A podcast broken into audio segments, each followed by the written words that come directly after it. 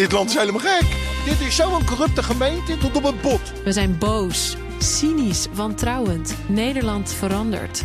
We onderzoeken de rol van angst in onze omgang met elkaar, in de politiek, in de geschiedenis. Seizoen 2 van de podcast Polder in de Fik. Waarom we zo bang zijn. Abonneer je nu in je podcast-app. The Daily Move.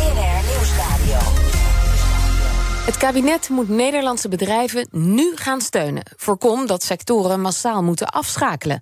Dat zegt VVD-Kamerlid Silvio Erkens. En terwijl de staat in onze buurlanden de portemonnee trekt, blijft de steun van minister Jette hier vooralsnog uit. Silvio Erkens staat in onze Haagse studio en bij hem is ook onze Sophie van Leeuwen, politiek verslaggever. Ja, Sophie, waar blijft dat plan van Jette? Dat is de grote vraag van iedereen in Den Haag. En je ziet dat de Trust in de UK de 250 pound uittrekt voor de Britse burgers om die de winter door te helpen. Macron heeft plannen. En waar blijft Rob Jetten? Elke dag is de roep harder, kan ik je zeggen. Um, ja, en de bedrijven die lopen natuurlijk wel serieus risico deze winter. Voor afschakelen, omvallen. En morgen is er een debat met Rob Jetten. Uh, dat gaat natuurlijk ook over waar is uw plan? Ik heb het nog niet gezien, we wachten erop.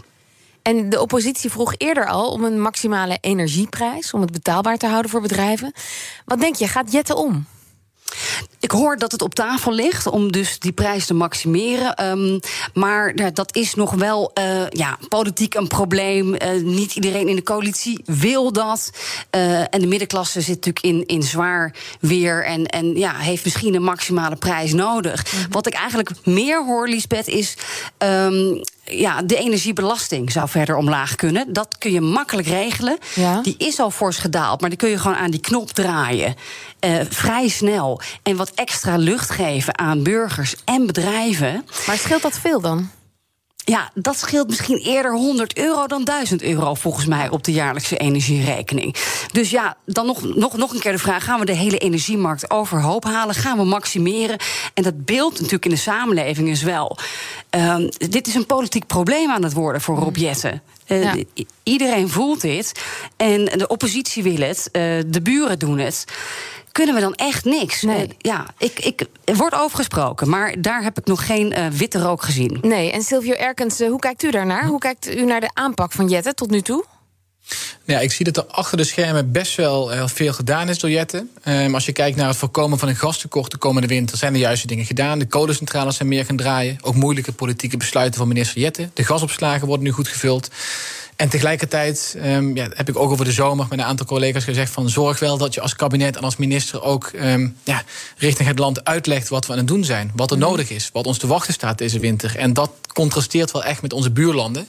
Waarin je Macron, uh, Scholz, um, ook Habeck, de minister van Economie, uh, Klimaat en Energie in Duitsland, die hoor je regelmatig ook uitleggen wat mensen te wachten staat. En, hoe, ja, en de intenties van de overheid om hun die winter door te helpen. En ik denk dat daar wel te weinig is op gebeurd. Dus daar zal morgen de discussie ook over gaan. Hoe ja. gaat minister Jette ons allemaal voorbereiden op de winter die eraan komt? Want er zijn dus wel plannen om voor de winter uh, nog in te grijpen. Uh, als die niet al over twee weken begint, zeg maar, in de herfst. Maar um, ja, klinkt dat niet een beetje als paniek om nu opeens alsnog iets uit de hoge hoed te toveren? Nou, ik denk dat het goed is dat er ook gekeken wordt naar wat er nog dit jaar mogelijk is. Uh, want je ziet, hè, we hebben eerder dit jaar is er een steunpakket gekomen van 7 miljard voor de energierekening. Maar die prijzen zijn nog verder gestegen. Uh, en veel mensen nog echt in de knel komen te zitten of zakken al door het ijs. Dus goed dat ze kijken naar wat er nog mogelijk is. Uh, maar je ziet in een aantal vraagstukken eigenlijk nog niet eens besproken zijn in Nederland. Eén daarvan, en dat zal morgen in het debat ook een gespreksonderwerp worden. Dat gaat over de grote industrie. Dus je ziet dat de industrie inderdaad ook, en net als kleine ondernemers, huishoudens, ja, met die hoge energieprijzen eigenlijk niet meer de deuren open kan houden. Dat zie je in andere Europese landen ook. Ja, en de noodklok wordt wel in die andere landen geluid. En ook in Brussel van, joh, zorg er nou wel voor dat we over vijf jaar ook nog een industrie in Nederland hebben. Ja. En dat is niet per se een vraagstuk van ja, de energierekening compenseren. Volgens mij is het onwenselijk om de energierekening over te nemen van hele grote bedrijven die ook ja, de laatste jaren veel winst gemaakt hebben, die zelf ook natuurlijk ook gas kunnen inkopen. Ja, ja. Precies. Uh, maar kijk wel, uh, dus als een bedrijf een aantal maanden dicht gaat, laat ik een voorbeeld pakken. Um, ja, tijdens coronatijd hebben we wel geholpen om mensen in dienst te houden. Mm -hmm. Om ervoor te zorgen dat die mensen misschien over vier, vijf maanden nog steeds bij dat bedrijf zitten. In plaats van dat ze allemaal weggaan in de winter als het bedrijf gesloten is. En dan kan het bedrijf niet meer open. En dat zijn wel vragen die je de komende weken samen met die, met die sectoren van een antwoord moet gaan voorzien als regering. Maar, ik heb er nog niks over gehoord. Maar als die vergelijking met de coronaperiode, als ik u goed hoor, dan zegt u eigenlijk... ja, als er niks gebeurt, als de overheid eh, bedrijven niet gaat helpen... dan dreigt er een economisch rampscenario. Ja, in bepaalde sectoren. Dus je ziet dat het wel echt verschilt nu. De coronacrisis trof eh, de meeste sectoren. En je ziet dat hier het echt gaat om de sectoren die echt ja, meer afhankelijk zijn van aardgas en energie. Dus energie-intensieve sectoren. Uh, de chemie was vaak getroffen. Aluminiumindustrie, je ziet bij het MKB bakkerijen bijvoorbeeld. De glastuinbouw. Mm -hmm. Dus dit gaat niet over de hele linie. Um, tot nee. een ramp leiden. Maar ja, als je bepaalde sectoren volledig ziet omvallen, dan vind ik wel dat je als overheid nu aan de voorkant goed moet nadenken hoe we ervoor zorgen dat we die sectoren in de toekomst ook hebben. En daar heb ik ja, nog geen activiteit van het kabinet op gezien. Um, en dat moet nu echt gaan gebeuren de komende weken. Maar er is geld, ja. hè, wordt steeds gezegd. Um, ja, maar waar moet die zak geld dan heen? Weet je, hoe ziet u dat voor zich? Moet dat dan weer via die belasting die Sofie al net even noemde? Uh, of moet er gewoon een maximale prijs komen voor energie? Ja, kijk, volgens mij moet je de, de discussie voor, voor huishoudens en kleine ondernemers, dat is echt een compensatiediscussie. Ja, dat zijn een paar van de zaken die u net noemt. Um, ja, dat zal volgende week na Prinsjesdag tijdens de algemene politieke beschouwing natuurlijk ook een van de grote onderwerpen worden. Als je kijkt naar de grote industrie, zijn het ook vaak andere vraagstukken. Dat gaat eerder om, ja, weet je, als je een paar maanden niet kan concurreren, um, hoe zorg je ervoor dat je over een aantal maanden weer kan opstarten? Of aan de andere kant, als de energieprijzen drie of vier jaar of zelfs vijf jaar hoger blijven dan in de Verenigde Staten of in China ja, hoe zorg je ervoor dat we in Europa nog wel een industrie hebben? En dat zijn niet per se alleen Nederlandse antwoorden. Dat kunnen misschien ook Europese maar antwoorden Nu komt Van der Leyen vandaag met een uh, groot pakket. State of the Union. 140 miljard euro gaan we uitdelen aan bedrijven. Wat, wat hebben Nederlandse bedrijven eraan? Ja, op dit moment zijn die plannen nog niet heel concreet. Dus de verwachting is dat eind deze maand er ook een extra Europese top gaat zijn met de energieministers, waarin alles concreet gemaakt gaat worden. Dus het is moeilijk om daarop vooruit te sorteren natuurlijk.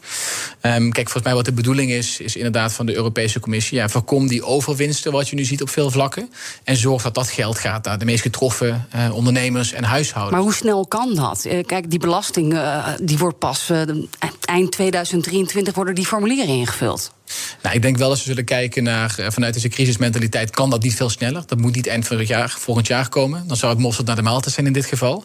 Uh, maar op dit moment zijn veel zaken nog onduidelijk. En vanuit Europa zie je dat nu in ieder geval wel het gevaar voor de uh, de industrie die weg zou vallen in Europa, dat dat wel mm -hmm. op de agenda begint te komen te staan. Ik zag gisteren nog een interview met Diederik Samson. En volgens mij het AD was dat, waarin hij ook al dat punt bracht van joh, we moeten hier wel een antwoord met elkaar gaan formuleren. Het Nederlandse kabinet moet hier wel wakker op worden. Ja, maar u bent ook van de VVD, regeringspartij. Het voelt toch een beetje alsof wij hier zitten te slapen. De buren hebben het geregeld en we wachten op een zak geld uit Brussel die nog lang niet komt.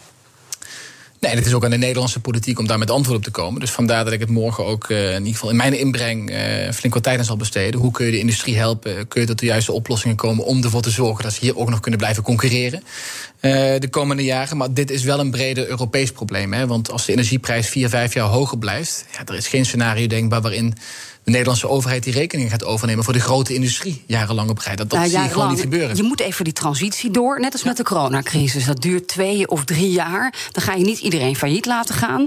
Dan help je ze een beetje. En dan over drie jaar heeft iedereen een zonnepaneel of iets anders. Waterpomp.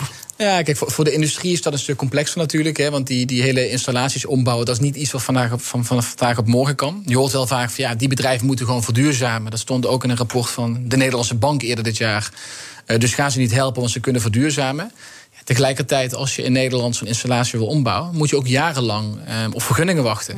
Um, trajecten wat je moet doorlopen. Dus daar ligt ook wel iets wat de Nederlandse overheid wel kan doen. Kijk of je daar gewoon echt een, een radicale versnelling op kan toepassen. Ja, en, en... Zodat die bedrijven de komende maanden misschien met die hoge prijzen kunnen gebruiken om een aantal zaken al om te bouwen in de installaties. In plaats van dat ze het over twee of drie jaar gaan doen. Ja, en uh, nou ja, ik, dat debat is morgen. Over gas- en leveringszekerheid gaat dat onder andere ook. Is er ook een kans dat het niet goed komt? Dat dit gewoon een heel erg pijnlijke affaire wordt? Heeft u het dan over de, de industrie of de energiecrisis in het algemeen? Of een tekort in de winter? Nee, dan heb ik het over de bedrijven. Dat er geen plan komt voor de bedrijven in Nederland. Nou ja, dat, dat is echt aan onszelf en de Nederlandse politiek, volgens mij en de regering. Dus, nee, maar wat is uw inschatting een... als u nu naar de regering kijkt? En u zegt net, nou, er gebeurt wel wat, ik, ik zie ze bezig. Maar wat is uw inschatting? Is het op tijd? Um, ja, de vraag is, is het op tijd? Dat is altijd een goede vraag. Het had eigenlijk nu al misschien hier moeten liggen op een aantal vlakken. Dus ik denk dat het sneller had gemoeten. Ik, ik ben wel een optimist wat dat betreft. Iedereen gelooft dat we het wel nog gewoon goed kunnen oplossen met elkaar. Maar dan moet nu wel echt de turbo erop. En dan moeten we echt aan de slag. Ja, ik heb nog ik heb nog een vraag over ja, de, de plannen uit Brussel, toch, voor meneer Erkens. Er komt een waterstofbank, die wil von der Leyen oprichten. Hierheen halen?